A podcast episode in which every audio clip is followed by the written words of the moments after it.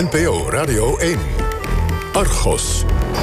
Ik ben Dion Graus, ik ben geboren in Limburg en ik kom op voor dieren Nederland wereldwijd. Uit onderzoek van de Volkskrant en 1 Vandaag blijkt dat Graus op toch wel dubieuze wijze gebruik maakt van de verblijfkostenregeling voor Kamerleden. Graus incasseert zo maandelijks een bedrag van ruim 1900 euro bovenop zijn salaris van circa 8000 euro. De ex-vrouw van Tweede Kamerlid Dion Graus uit Heerlen heeft aangifte tegen hem gedaan. Ze beschuldigt de PVV ervan dat hij haar heeft gedwongen om seks te hebben met zijn privébeveiligers. Graus zou de vrouw ook meermaals bedreigd hebben. Het huwelijk van de twee stranden afgelopen zomer. Wat zegt Dion Graus er zelf over? Ja, die ontkent uh, alle aantijgingen. Hij zegt er ook kapot van te zijn. En volgens hem is het zo dat uh, zijn uh, ex-vrouw psychisch niet in orde is. Dat ze alles verzint, omdat ze zich niet kan neerleggen bij de scheiding. Ik heb natuurlijk ook met een echtscheiding te maken. En bij een echtscheiding gebeuren vaker rare dingen. Maar ik kan u garanderen dat zoveel aangifte als tegen mij gedaan zijn... ik ben niet één keer vervolgd, laat staan veroordeeld, nooit. En dat zal ik ook niet worden, want ik heb enkel maar vrouwen lief gehad. Maar ik heb ze nooit uh, iets kwaads gedaan. Ja, dat zei PVV Tweede Kamerlid Dion Graus. Hij is een van de langstzittende leden van de Tweede Kamer... maar zijn Kamerlidmaatschap glijdt niet zonder slag of stoot voorbij. Graus kwam meermaals in het nieuws vanwege al dan niet bewezen schandalen. In 2019 werd bijvoorbeeld bekend dat zijn ex-vrouw Joyce aangifte tegen hem had gedaan... omdat hij haar zou hebben gedwongen om seks met andere mannen te hebben. Graus ontkende en deed tegenaangifte. En datzelfde jaar meldde de Volkskrant en één Vandaag... dat Graus ten onrechte gebruik zou maken van een riante verblijfskostenvergoeding. De schandalen bleven vooralsnog zonder gevolgen. Graus bleef gewoon Kamerlid en staat ook dit jaar weer op de kandidatenlijst van de PVV. Maar vandaag heeft NSC Handelsblad een opzienbarend artikel gepubliceerd. De wereld van Dion staat er boven het verhaal van bijna 7000 woorden. Gebaseerd op honderden documenten, apps, mails en audio- en videoopnames die de ex-vrouw van Graus aan de Rijksrecherche heeft overhandigd. NSC-redacteuren Wubby Leijendijk en Joep Dome kregen inzage in al dat materiaal. En Joep Dome is nu bij ons te gast vanuit de studio in Heerlen. Goedemiddag, Joep. Nou, het is Maastricht, maar dat ligt het is bij, eh, bij Heerlen. Dat maakt niet zoveel uit. Maar goedemiddag. Excuus. Um, ja, jullie verhaal kwam vandaag al voorbij in de journaals op deze zender. Een Tweede Kamerlid dat zijn vrouw uitleent aan zijn persoonlijke beveiligers om seks te hebben. Onder andere, want jullie onthullen nog veel meer in dat artikel. Hè? Wat zijn jullie voornaamste bevindingen? Nou ja, dat is dus uh, de informatie die, uh, die is ingeleverd bij de Rijksrecherche. En die ziet eigenlijk op een aantal dingen. Die ziet op uh, de fraude met zijn verblijfskostenvergoeding. Ehm, dat ziet onder andere op de verhoudingen binnen de fractie van de PVV... en mm. de rol van Dion Graus daarin. Dat ziet op de seksverhalen die er al waren... en de eventuele bewijzen die in die stukken zitten. En dat ziet er ook nog op een belastingkwestie... Ehm, met zijn inkomstenbelasting. Nou, dat is even, dus zijn vier kwesties. Ja, ja en dat, dat baseren jullie op materiaal, een enorme berg materiaal. Wat is dat precies? Ik las dat het om tientallen uren aan audio- en videomateriaal onder andere gaat. Waar komt dat vandaan? ja, dat klopt. Um, toen het huwelijk nog goed was tussen Dion en Joyce... Mm uh, zij was uh, en is nog steeds fractiemedewerkster van de PVV-fractie in de Tweede Kamer. Toen waren zij, toen hadden ze vaste plannen om een film, een boek en, uh, en een, een, stripverhaal te gaan maken... over de laatste Limburgse ridder, zoals Dion Graus zich noemt. Um, daartoe werden uh, bandopnames gemaakt, uh, er werden video's gemaakt uh, en er werd documenten verzameld. En tegelijkertijd had Dion, ook de, Dion Graus ook de gewoonte om zijn telefoongesprekken op te nemen. dat deed hij mogelijkerwijze ook met het oog op die film en dat boek en dat stripverhaal. Maar ook hebben we zo de indruk, want het is toch vaak een bepaald soort gesprekken... Um, ja, het oppunt van het veiligstellen van die informatie. Hè? Dus mm. uh, je, je neemt gewoon op wat anderen tegen je zeggen en je, je zegt dat niet. Ja. Nou, dat, dat, dat, dat is dus het materiaal, dat, eh, dat bandmateriaal uh, dat wij hebben. En je ziet daarin dat er inderdaad uh, nogal wat gesprekken zijn opgenomen met collega PVV-Kamerleden. zijn voicemailberichten aan Geert Wilders en ook zijn heimelijke opnames van, van passages uit, uit de fractievergaderingen. Was het een soort research dan eigenlijk? Ja, het was research en uh, het veiligstellen van informatie, vrees ik. Ja.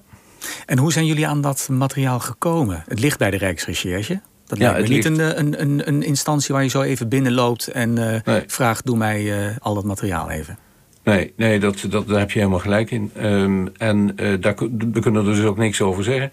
Hmm. Het, ligt, uh, het ligt bij de Rijksrecherche. Uh, um, en de ex, inmiddels ex-vrouw van Dion Gauss, Joyce, heeft dat ingeleverd. En ja, dat is wat ik erover kan zeggen. Meer kan ik daar niet over zeggen. Ehm, maar dus het gaat wel om tientallen uren materiaal, hè? Dat heb ik toch ja, goed gelezen. Gaat, ja, het gaat en hebben jullie dat allemaal bekeken?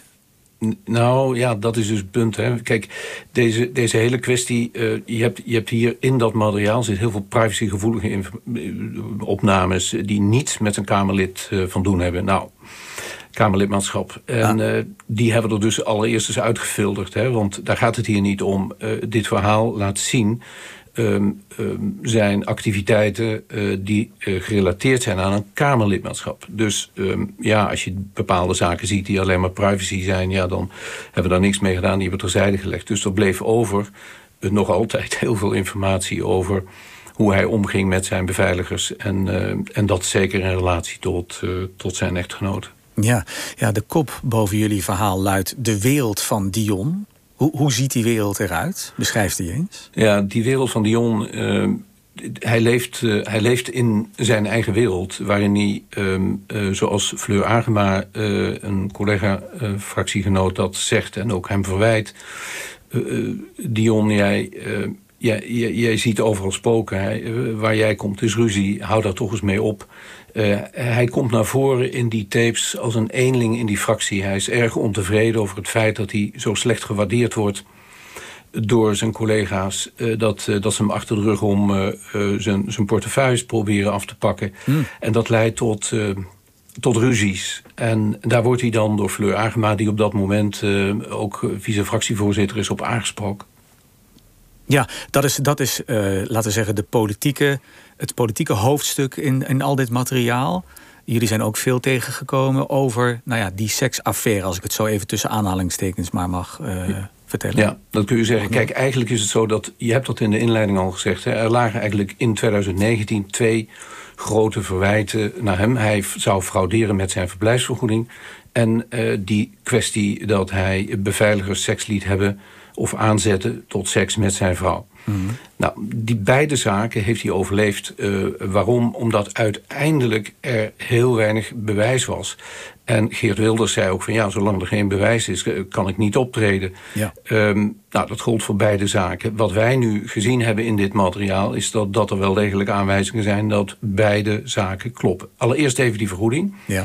Hij woont uh, in, uh, in een appartement in Voorburg. Dat ligt op acht kilometer afstand van het Binnenhof. En daar is een bepaalde vergoeding, een verblijfsvergoeding aan gekoppeld. Hè. Die verblijfsvergoedingen voor Tweede Kamerleden... die uh, die worden afgemeten na het aantal kilometers dat je van het Binnenhof woont. Mhm. Nou, wat heeft hij gedaan? Hij heeft het, uh, het adres van zijn bejaarde moeder in Heerlen opgegeven. Dat ligt weer vlak bij Maastricht. En uh, ja, dat is 230 kilometer. En hij heeft dus afgelopen 14 jaar... heeft hij die vergoeding voor 230 kilometer uh, opgestreken. En als je dat becijfert, dan kom je op 125.000 euro. Nou, hoe weten we dat nou, dat hij daar niet woont in Heerlen?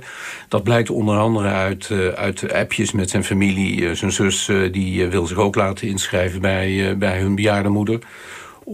En die appt hem dan van, nou Dion, nou is mijn tijd. Um, laat mij nou bij mama ingeschreven worden, want uh, jij woont hier toch niet. Hmm. En um, anderszins, als hij aangifte gaat doen bij de politie in Voorburg... dan vertelt hij dat hij sinds 2007 in Voorburg woont... en daar een appartement huurt samen met zijn toenmalige vriendin. Aha, want eerder ontkende hij dat, hè? Dat, ja, dat, dat, dat, ja hij ontkende dat. Ik, ik, woonde wel degelijk bij mijn moeder. Ja, en uit deze stukken blijkt dus dat dat inderdaad niet zo is. Nou, ja, ja. Dus dat, dat is nu dan helder dat dat zo is. En hmm. het wordt heel interessant om te zien wat de Tweede Kamer natuurlijk nu gaat doen... Ja. Uh, gaan ze een onderzoek instellen, laten ze dit zo. Tot nu toe hebben ze het zo gelaten. Mm -hmm. Misschien ook vanwege dat gebrek aan bewijs. Nu, die andere kwestie. Daar, uh, was het, uh, daar was het de, de Telegraaf die in 2019 meldde voor het eerst... dat zij aangifte gedaan had. Je hebt al verteld, die aangifte is daarna ingetrokken. Um, en um, daarna heeft Joyce, de ex, um, dat hele dossier samengesteld. Zij is dus blijkbaar gaan zoeken... En heeft zoveel materiaal gevonden om haar oorspronkelijke aangifte te onderbouwen. Die had ze dus bij de eerste aangifte niet, uh, niet ingeleverd. Ja, ja. En uit dat materiaal, dat dus nu bij de Rijksrecherche zit... en daar wordt beoordeeld, hè, want dat is de term die de Rijksrecherche daarvoor gebruikt... daar hebben wij in kunnen zien. En als we daar dan naar kijken, dan uh, blijkt daar inderdaad uit... dat het Dion Graus was die de sekssessies uh, ja, wij noemen ze in de krant geloof ik uitleensessies... Uh, met zijn vrouw um, uh, regelde en organiseerde.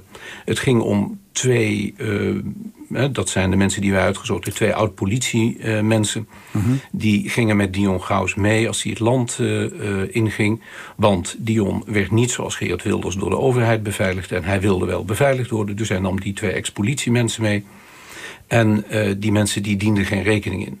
En wat er gebeurde, veelvuldig door de jaren heen... was dat die twee ex-politiemensen uh, seks mochten hebben... met de vrouw van Dion Gauws. En Dion Gauws regelde dat. Het is nog nodig, denk ik, om te zeggen... dat het twee ex-politiemensen zijn waar een luchtje aan uh, kleeft. Um, eentje is veroordeeld in 2014 tot zes jaar... wegens uh, zijn aandeel in een moord mm. op een sportschoolhouder... en verboden wapenbezit. En de andere ex-politieman...